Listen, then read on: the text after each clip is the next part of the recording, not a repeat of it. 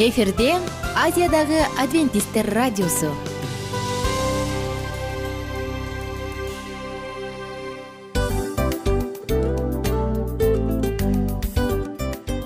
Достор салют. Баардык сүйүктүү угармандарыбызга салам айтабыз. Кутман күнүңүздөр менен.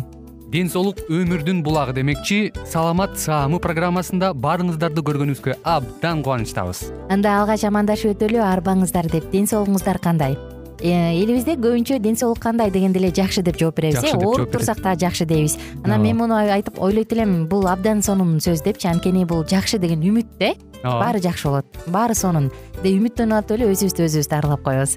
Анысы кандай? Сиздин дагы ден соолугуңуз жакшы беш деген үмүттөбүз чындыгында ден соолук бул өмүрдүн булагы деп бекеринен айтылган эмес деп ойлойм. Кыргыз элинде анткени эгерде ден соолук жок болсо анда адамдын жашоосунда калган баардык керектүү маңыздуу нерселер өзүнүн баалуулугун жоготуп коет. Ошондуктан ден соолук бул эң керектүү нерсе. Ооба туура айтасың кесиптешим. Чынында ден соолугуң жок бир эки үч күн ооруп калсаң эле э кандай болуп калат? Жашоодо көз каранды болуп каласың көп нерсеге жетишпей каласың көп нерсени кыла албай каласың жада калса эшикке дүкөнгө да чыга албай каласың. Туптуура анан ден соолук болсо демек биз биздин бактыбыз тоодой деп койсок болот.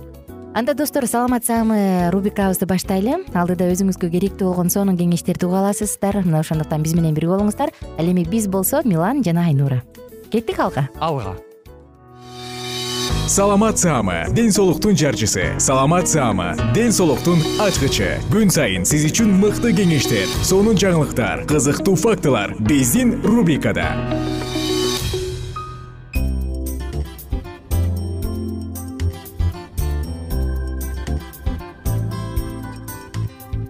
арбаңыздар кадырлуу замандаштар радио угармандар. Жалпыңыздарга салам айтып кайрадан сонун рубрикабызды баштаган мен айнура миназарова. Бүгүнкү темабыз мээ үчүн пайдалуу адаттар ар бирибиз өзүбүздүн денебизге кам көрөбүз спорт менен машыгабыз туура тамактанабыз жана уйкунун режимин сактаганга аракет кылабыз. А бирок баарыбыз эле негизги компьютер болгон биздин жашообуздун баардыгы көз каранды боло турган мээнин саламаттыгы үчүн кам көрөбүзбү? Көрсө достор бүгүн айта тургандай мээ үчүн дагы туура жана пайдалуу эффективдүү адаттар керек экен. Анын баардыгы анын карыганга чейин улгайып баспай калганга чейин мээнин саламаттыгын сактап тура алат экен. Ооба достор туура айтып атам биздин күнүмдүк жашообуз кадимки эле мээнин саламаттыгына таасир берет. Мына ошондуктан күнүгө колуңуздан келишинче суу ичип эс алып физикалык активдүүлүк менен машыгып жана таза абага көбүрөөк чыгыңыз. Келгиле эми бул кыскача киришүү болду. Алдыда кененирээк айтып берейин. Эң эле биринчи биз айта турган нерсе бул суу адамдын денесинин баардык бүт органдарынын ичинен мээде суу эң көп. Ошондуктан суу эң эле химиялык реакция жүрө турган жана нерв ткандарында боло турган баардык нерсенин үстүнөн бийлик кылат мына ошондуктан достор эгерде мээ сууга ой суу мээге жетишсиз жете баштаган болсо жетпей калып аз болуп жетишпей атса анда адам көңүл буруусун төмөндөтөт кыжырдуу боло баштайт кыжырданып ачуулуу боло баштайт. Эгерде сизде невроздук боло турган болуп жатса анда бир стакан ичип коюңуз суу. Сөзсүз түрдө сизге жардам берет. Кийинки кезекте уйку. Ой уйкуну жаман көргөн адам болбойт болуш керек бирок анын туруктуу регулярдуу болушун дайыма эле көзөмөлдөй албайбыз. Туурабы мындай нерсе бар да уйку бул мээнин азыгы деген да түштүк бар. Ким билет чындыгында жүз пайыз ушундайбы же дагы башка жактары барбы? Эң негизинен биз уктап жаткан учурда уктап катуу уктап жаткан учурда нейрондордун баардыгы бошолот. Анан кийин ал баягы эркин сүзүп жүргөн радикалдардын баардыгынан боштонуп чыгат экен дагы анан акырындан активдүү боло баштайт. Мунун баардыгы биздин мээбиздин кайра калыбына келишин жакшыртат эгерде адамдын уйкусу жетишпей уйкусу канбай регулярдуу уйку жок боло турган болсо мээнин иштеши начарлайт. Мындай учурда биз кандайдыр бир эрктүү чечимдерди чыгара албай калабыз интеллектуалдык жөндөмүбүз төмөндөйт ал эмес достор элестетип көрүңүз пенсильваниянын университетинин окумуштуулары мындай ойду айтышат да мээде уйку жетишпесе эс тутум дароо начарлайт көңүл топтоо көңүл буруу начарлайт адамдын маанайы дайым жаман болот кабыл алуу начарлайт жана ой жүгүртүү начарлайт деген жыйынтыкка келишкен. Баса айта кетсек кайсы бир окумуштуулар айтат уйкунун жетишсиздиги альцгеймер оорусуна алып келет деп. Анткени анда бета амилоид деген заттар көбүрөөк топтоло баштайт деп айтышат. Ал эми уктап жатканда дал ушул амилоиддер азаят экен дагы туура жакшы иштей турган нейрондор клеткалар тириле баштайт. Достор кандай болсо дагы биз билбейбиз кандай туурабы же туура эмеспи бирок брендон люси окумуштуунун айтуусу боюнча уйкунун жетишсиздиги альцгеймер оорусу менен түздөн түз байланыштуу деп айтат. Туурабы туура эмеспи ким билет бирок уйку жетишсиз болсо өзүбүздөн деле байкайт болушубуз керек. Биз кыжырдуу боло баштайбыз эч нерсе көтөрө албайбыз даана ачык тунук ой жүгүртө албай калабыз. Мына ошондуктан достор айтаарыбыз колуңуздан келишинче бир убакта жатып бир учурда турганга аракет кылыңыз. Эми болсо уйку кааныш үчүн эмне кылыш керек биринчи кезекте уктаар алдында катуу тоюп албаңыз. Кечки тамак жеңил эле болушу керек. Анан уктаар алдынан мурун эки саат мурун жеген жакшы. Ал эми эркектер өзгөчө уктаардын алдында төрт саат мурун суу ичпей коюңуз. Анткени кечинде уйкуңуз бузулат туалетке чуркап атып муну көбүбүз эле көрөбүз э ай көп ичпе деп жатар алдында ата энелери сурушуп калышкан. Жана экинчи кезекте бир убакта жатып бир убакта туруңуз. Бул дагы сизге жардам берет. Жана күндүзү уктабаганга аракет кылыңыз. Үчүнчүдөн кофе чай бул сыяктуу суусундуктарды уктаар алдында ичпеңиз. Курамында кофеин бар суюктукту ичпеңиз. Анын ордуна сизди тынчтандыра турган чөптөн чай ичип коюңуз. Э, дагы бир кеңеш жатаар алдында жылуу ваннага түшүңүз же душка түшүп коюңуз. Кийинки айта турган кеңешибиз таң калыштуу бирок адамдын физикалык көнүгүүсү кадимки эле дене көнүгүүлөрү мээнин саламаттыгына таасир берет. Дайыма дене көнүгүүлөрүн жасап турган адамдарда бальц геймер оорусуна чалдыгуу коркунучу картайып калганда жокко эсе дагы болуп калат экен элестетиңиз. Ал эми кайсы бир журналдын айтуусу боюнча ал жакта бир изилдөөнү атайын изилдеп чыгышкан алар айтышат да альцгеймер оорусунун бирден бир түздөн түз байланышы бул аз кыймылдуу жашоо деп элестетип көрүңүз кандай гана коркунучтуу жана кийинкини айта турган болсок достор эгерде адам спорт менен машыкса анда анын бул ооруга чалдыгуу коркунучу кырк пайызга төмөн деп айтышат. Тагыраак айтсак спорт менен машыгуу кыймыл мээнин саламаттыгы үчүн өтө керек. Күнүнө болгону бир жуманын ичинде жок дегенде жүз элүү мүнөт дене көнүгүүлөрүн аэробикалык көнүгүүлөрдү жасаганга аракет кылыңыз. Мүмкүн жөө басасыз же велосипед тебесиз же сууга сүзөрсүз. Адамдын туруктуу көнүгүү жасап туруусу анын эс тутумунан ажыроого жол бербейт. Анткени адам спорт менен машыгып жатканда анын башындагы нейрондор кайрадан калыбына келет. Бул да болсо бизге эң чоң маалыматтарды көп берип келет достор. Эмне дейбиз кандай гана болбосун биздин денебиз биздин мээбиз саламаттуу болушун каалай турган болсок анын нейрондору дайыма кислород жана глюкоза менен камсыздалып турганын алдын алганыбыз жакшы. Кээде баягы айтып коюшат эмеспи достор э? Адамдын жашоосу өтө кыска. Алдын ойлоп эмне кереги бар? Бүгүнкү күн менен жашаш керек деп. Бирок бул түшүнүк жаңылыштык деп айтмакмын тилекке каршы убакыт тар болгондуктан керектүү маалыматтардын баардыгын айта албай калдык. Биз болгону гана сиздер менен бир нечесин санап өттүк. Кийинки уктурууларда дагы кененирээк бөлүшкөнгө аракет кылабыз жана убада беребиз. Мына ошондуктан биздин ар бир уктуруубузду калтырбаганга аракет кылыңыз. Жалпыңыздар менен мен айнура миназарова болдум кызмат өтөгөн. Күнүңүздөр көңүлдүү улансын маанайыңыздар дайым беш болсун салют салют деп кайрадан амандашканча саламат саама ден соолуктун жарчысы. Саламат саама ден соолуктун ачкычы. Күн сайын сиз үчүн мыкты кеңештер сонун жаңылыктар кызыктуу фактылар биздин рубрикада. Салют замандаштар баарыңыздарга ысык салам. Дил маек программабызга кош келиңиздер. Дил маек рубрикасы дегенде эле бул эмне болгон дил маек ким менен маектешебиз деп сурайт болуш керек угармандарыбыз бул рубриканы кыскача тааныштыра кетип турган болсок ар тарап кесип ээлеринен болгон сонун интервью кеңештер бар. Ооба. Жылдыздар менен болгон маек бар. Аталарыбыздын агаларыбыздын чоң аталарыбыздан сонун кеңештер бар. Ошондой эле эже сиңдилердин кеңештери бар айтор. Баардык кызыктардын баары алдыда. Негизи эле адам баласы бир кимдир бирөөнө ишенип сырын ачкысы келет эмеспи э мындай баарлашууга жакын келебиз го. Албетте негизи бир жерге отуруп алып кенен шашпай баягы жүрөктөн жүрөккө ачып сырларыбызды ар кандай көйгөйлөрүбүз менен бөлүшүп баягы чын жүрөктөн маек курганды кимибиз сүйбөйбүз э? Ооба десең ал нерсеге суу саптап келебиз да. Ооба кээ бирде адамга чындыгында баягы э, ысык маек баягы жылуу маек жетишпейт да. Ошондуктан биз ушул рубриканы ойлоп тапканыбызда эң биринчи эле достор сиздер менен чын жүрөктөн бир маңыздуу темаларды козгоп кеткени э, кааладык. Ошондуктан ушундай сонун бир рубриканы тартуулап жатабыз. Анын үстүнө радио дагы сонун дос да. Анткени э, мындай учурда досуңа айтсаң досуң досуна айтат досу досуна айтат да анан бүт өлкө билип калышы мүмкүн го а радио болсо сени сатпаган сенин айыбыңды ачпаган. Сенин сырыңды эч кимге айтпаган сонун досмун ошондуктан биздин алдыдагы айта турган кеңештерибизди биздин досторубуздун кеңештерин угуп анан ал жака пикириңизди дагы калтырып кайрадан биз менен байланышсаңыздар болот. Деги эле жашооңузга эгерде кичине болсо дагы өзгөрүү алып моралдык жактан нравовалык жактан сонун бир кеңештерди алсаңыз демек биз максатыбызга жеттик. Ооба. Чыңгыз атабыз улуу жазуучу э, чыңгыз айтматов айткандай адам болуу бул күнүмдүк процесс экен. Күн сайын адам бойдон калуу бул адамзатка эң эле эң кыйын дейт э? э эң кыйын дейт. Чындыгында бунун э, негизинде адамдын эң баягы сапаттуулугу адамдын э, адамгерчилиги жана көптөгөн керектүү нерселер.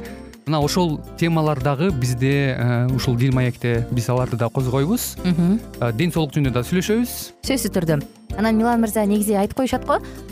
Биз көбүнчө эмнени ойлонсок ошол нерсеге карата иш кылабыз го. Ооба. Анан анысы кандай? Балким бул радио баракчада кимдир бирөөнүн оюн текшергенге жардам берет кимдир бирөөнүн жүрөгүн текшергенге жардам берет. Балким кимдир бирөөгө жашоонун маңызын тапканга жардам берет. Айтор кызыктын баары алдыда бул жөн гана кыскача жарнама анда угармандарыбыздын баардыгын кийинки рубрикабызга чакырабыз. Ал эми кызматта маңдайымда отурган кесиптешим милан жана мен айнура. Анда эмесе биз даярдаган терең терең ойлор менен таанышууга кеттик. Алыс алыс баралык. Анда эмесе достор биз менен бирге болуңуздар алдыда эң кызыктуу маалыматтардын баардыгы бир нече мүнөттөр бою жалгыз гана сизге арналат. Мына ошондуктан жакшы маанай менен угууну каалайбыз. Үн алышканча. Жөнөдүк. Ар түрдүү ардактуу кесип ээлеринен алтын сөздөр жүрөк ачышкан сыр чачышкан сонун маек дил маек рубрикасында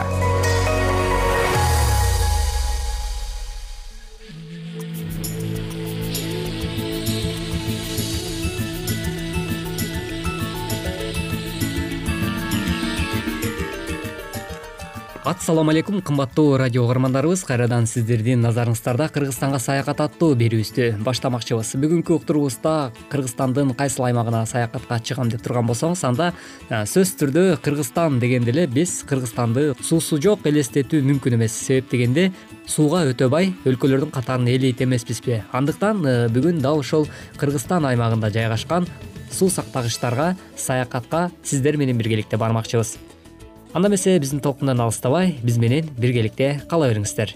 Базар коргон суу сактагычы кыргызстандын түштүгүндөгү ири суу сактагычтардын бири.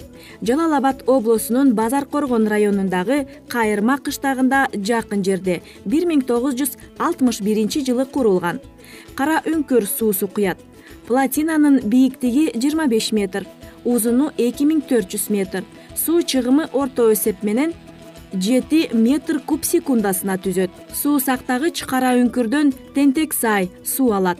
Сыйымдуулугу жыйырма эки миллиондон ашык куб.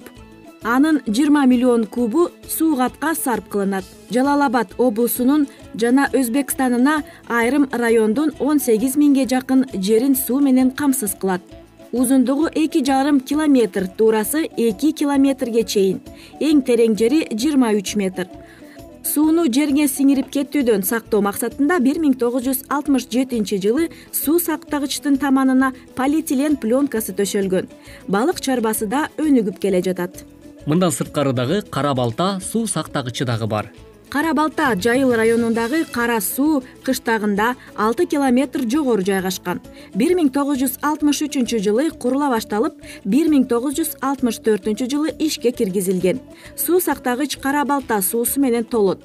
Суу агымынын сезон боюнча жөнгө салынат. Суугатчылыкка пайдаланылат узундугу экиден ашык километр. Эң жазы жери бир километрден ашат.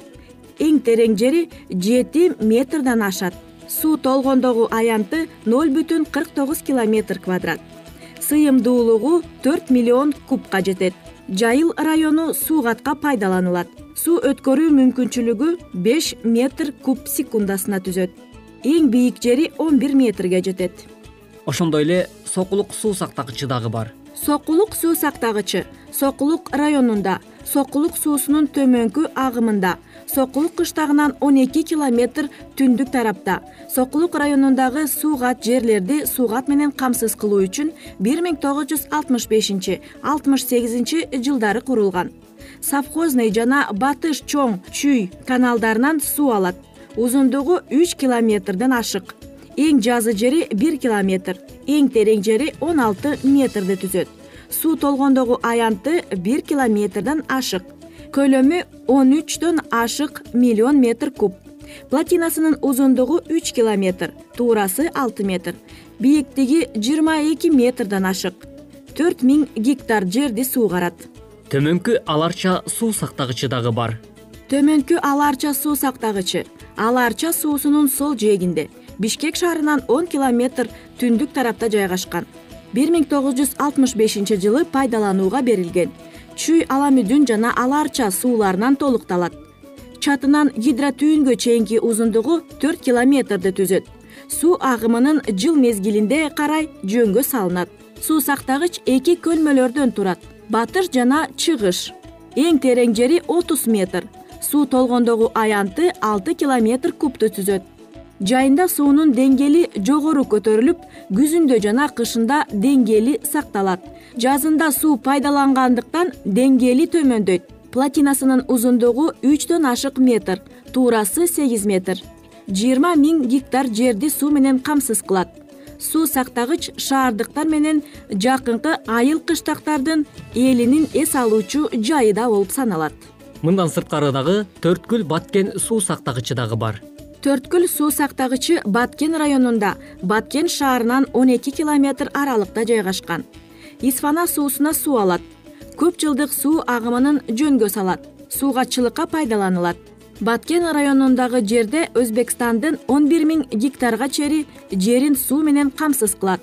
Сууну жерге сиңип кетүүдөн сактоо максатында дүйнөдө алгачкы жолу суу сактагычтын таманына полиэтилен пленкасы төшөлгөн суу сактагычты кургандыгы үчүн бир миң тогуз жүз сексен экинчи жылы долбоордун авторунун жана куруучулардан бир тобу кыргыз сср мамлекетинин сыйлыгынын лауреаты болушкан. Мындан сырткары дагы кыргызстаныбызда чанач сай суу сактагычы дагы бар. Чанач сай суу сактагычы ала бука районунда чанач суусунун нугунда бир миң тогуз жүз сексен тогузунчу жылы курула баштап бир миң тогуз жүз токсон тогузунчу жылы аяктаган оодандын борбору ала бука кыштагынан жыйырма чакырым дубандын борборунан жалал абад шаарынан эки жүз алты чакырым сыйымдуулугу бир миң алты жүз миң метр суу бетинин аянтыгы жүз токсон миң метр узундугу алтымыш үч чакырымга чейин жетет. Эң жазы жери отуз беш чакырым эң терең жери жыйырма метр платинасынын узундугу үч жүз жыйырма төрт метр бийиктиги жыйырма метр. Беш миң алты жүз элүү бир гектарга жер суугарылат суу суугатчы куруунун эки этабынан анын платинасынын бийиктиги кырк метрге сууга сыйымдуулугу сегиз тогуз миллион метрге жеткирилмекчи. Жана ошондой эле күрүп сай суу сактагычы дагы бар. Күрүп сай суу сактагычы нарын дарыясында энергетикалык максатта курулган. Жалал абад облусунун аймагында күрүп сай суусунун чатынан үч километр жогору жайгашкан. Узундугу кырк километр. Жазы жери бир километрге чейин жетет. Эң терең жери жүз он үч метр. Сыйымдуулугу үч жүз жетимиш миллион метр куб. Суу толгондогу аянты он эки километр квадратты түзөт. Платинанын узундугу үч жүз алтымыш метр. Туурасы он метр. Бийиктиги жүз он үч метрге чейин жетет жалпы суу чыгаруу мүмкүнчүлүгү тогуз жүз жетимиш эки метр куб секундасына. Нарын дарыясынын жумалык агымын жөнгө салып турат. Суусу менен кыргызстандын жана өзбекстандын миңдеген гектар жер суугарылып турат кымбаттуу угармандарыбыз ушуну менен бизге бөлүнгөн убакыт дагы өз соңуна келип жетти. Бүгүнкү программабыздын чыгарылышында сиздер дал ушул кыргызстанга саякат аттуу берүүбүздө кыргызстандагы суу сактагычтар туурасындагы маалыматка ээ болдуңуздар. Бүгүнкү уктурууга назар салганыңыздар үчүн ыраазычылык билгизүү менен биргеликте биз сиздер менен коштошобуз. Эмки берүүдөн амандашканча сак саламатта болуңуздар ар түрдүү ардактуу кесип ээлеринен. Алтын сөздөр жүрөк ачышкан сыр чачышкан сонун маек. Дил маек рубрикасында.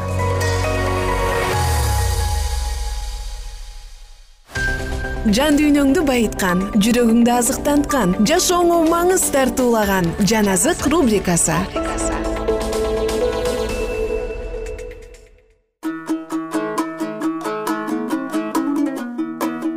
салют достор. Баардык угармандарыбызды жыштыктан укканыбызга абдан кубанычтабыз. Сиздер менен улуу күрөш китебин андан ары улантабыз. Ал дагы кудайдын мыйзамдары алардын эркиндигин кармап турат. Ошондуктан асман тургундары мындан дагы жогору даңктуу деңгээлге жетиши үчүн мыйзамдын чегерүүчүлөрүнөн бошотулуп аны жок кылуу зарыл экендигин айтты.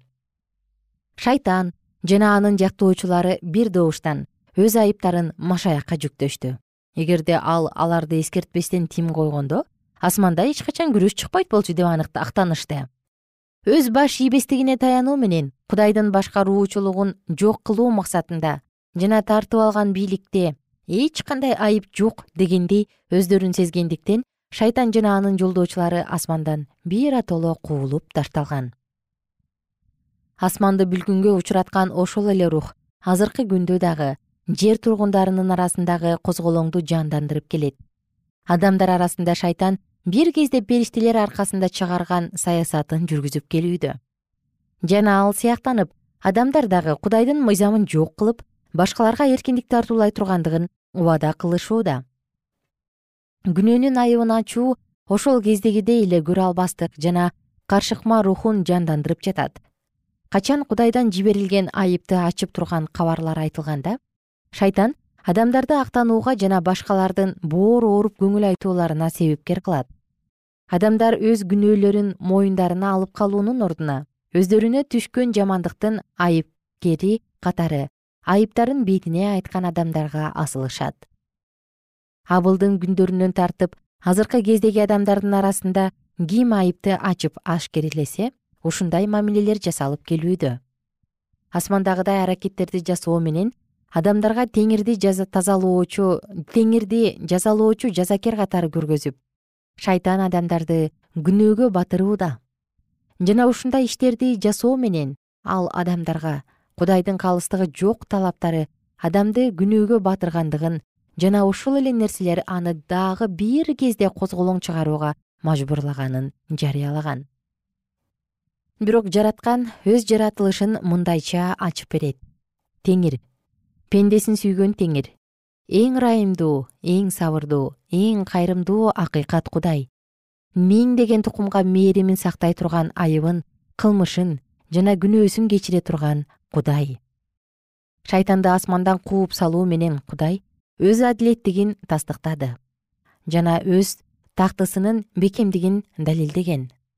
Бирок качан ушул баш тартып кеткен алдоочу рухка адам берилип күнөөгө батканда кудай өз сүйүүсүн күнөөгө баткан адамзат үчүн өз ынтымакташ уулун өлүмгө бергендиги менен күбөлөндүргөн. Ушуну менен теңир өзүн толук ачып берди. Айкашкан жыгач шайтан тандап алган күнөөгө алып баруучу жол кудайдын туура эмес башкаргандыгынан чыкпагандыгын күбөлөндүргөн эң жогорку данил куткаруучунун жердеги кылып жаткан кызматындагы машаяк менен шайтандын ортосунда болуп жаткан күрөштө шайтан өзүнүн айыбын толугу менен ашкерелеген асмандагы периштелердин шайтанга карата болгон жийиркеничин анын куткаруучуга жасаган ырайымсыз соккусунан башка эч нерсе мынчалык арбыта алмак эмес жана түгөл ааламды эч нерсе андан баш тарттыра албайт болчу. Машаякты өзүнө табынууга чакырык кылган шайтандын акараты машаякты тоонун чокусуна жана ибадаткананын төбөсүнө чыгаргандагы текебер мактанчаактыгы машаякты ылдыйкы көздөй өзүңдү таштап жибер деген кара ниет максаты. Машаяк бир орундан экинчисине куугунтуктаган куугунтуктоолору жана анын дин кызматчылар жана калай калктын жүрөгүнөн орун алып жамандык жасагандары жыйынтыгында адамдарды андан баш тарттырып керип салгыла аны керип салгыла деп кыйкыртууга мажбурлаган ушунун бардыгы түгөл ааламга таң калтыруу жаратты. Бул дүйнөдөгү адамдарды машаяктан баш тарттырууга бир гана шайтан үндөгөн жамандыктын мырзасы машаякты жок кылуу максатында бардык күчүн үрөгөн. Анткени анын ырайымдуулугу жана сүйүүсү боорукердиги жана бөпөлөгөн жумшактыгы бул дүйнөгө теңирдин чыныгы мүнөзүн ачып бермек. Шайтан кудай уулунун ар бир сөзү үчүн күрөш жүргүзгөн жана куткаруучунун жашоосун кайгылуу жана азаптуу кылуу максатында адамдарды өз куралы катары пайдаланган. Анын жалган ойлоп тапкан нерселери машаяктын ишин токтотууга жумшалган.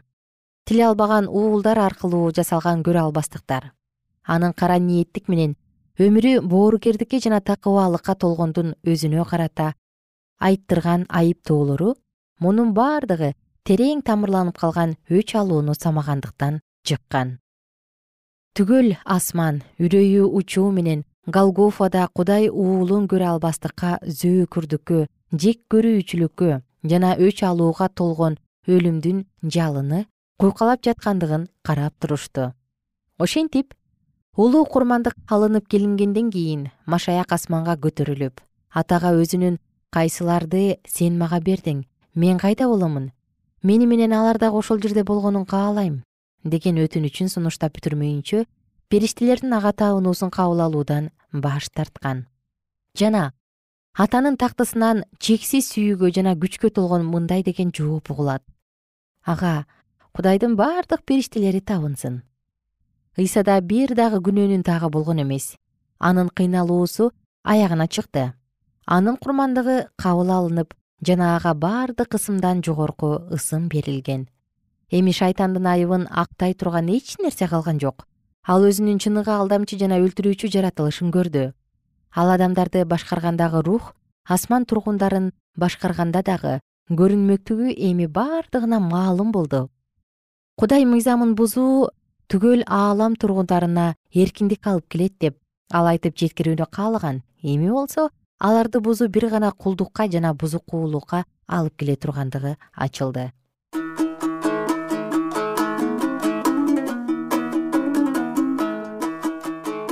кымбаттуу замандаш сиздер менен азыр дагы улуу күрөш китебинен эң сонун үзүндүлөрдү ачып окуп өттүк. Жашооңузда дайым чындык өкүм сүрсүн. Жашооңузда дайыма кудай бийлик кылсын. Баарыңыздарга кааларыбыз көңүлдүү күн жана кийинки уктуруулардан кайрадан амандашканча сак саламатта туруңуздар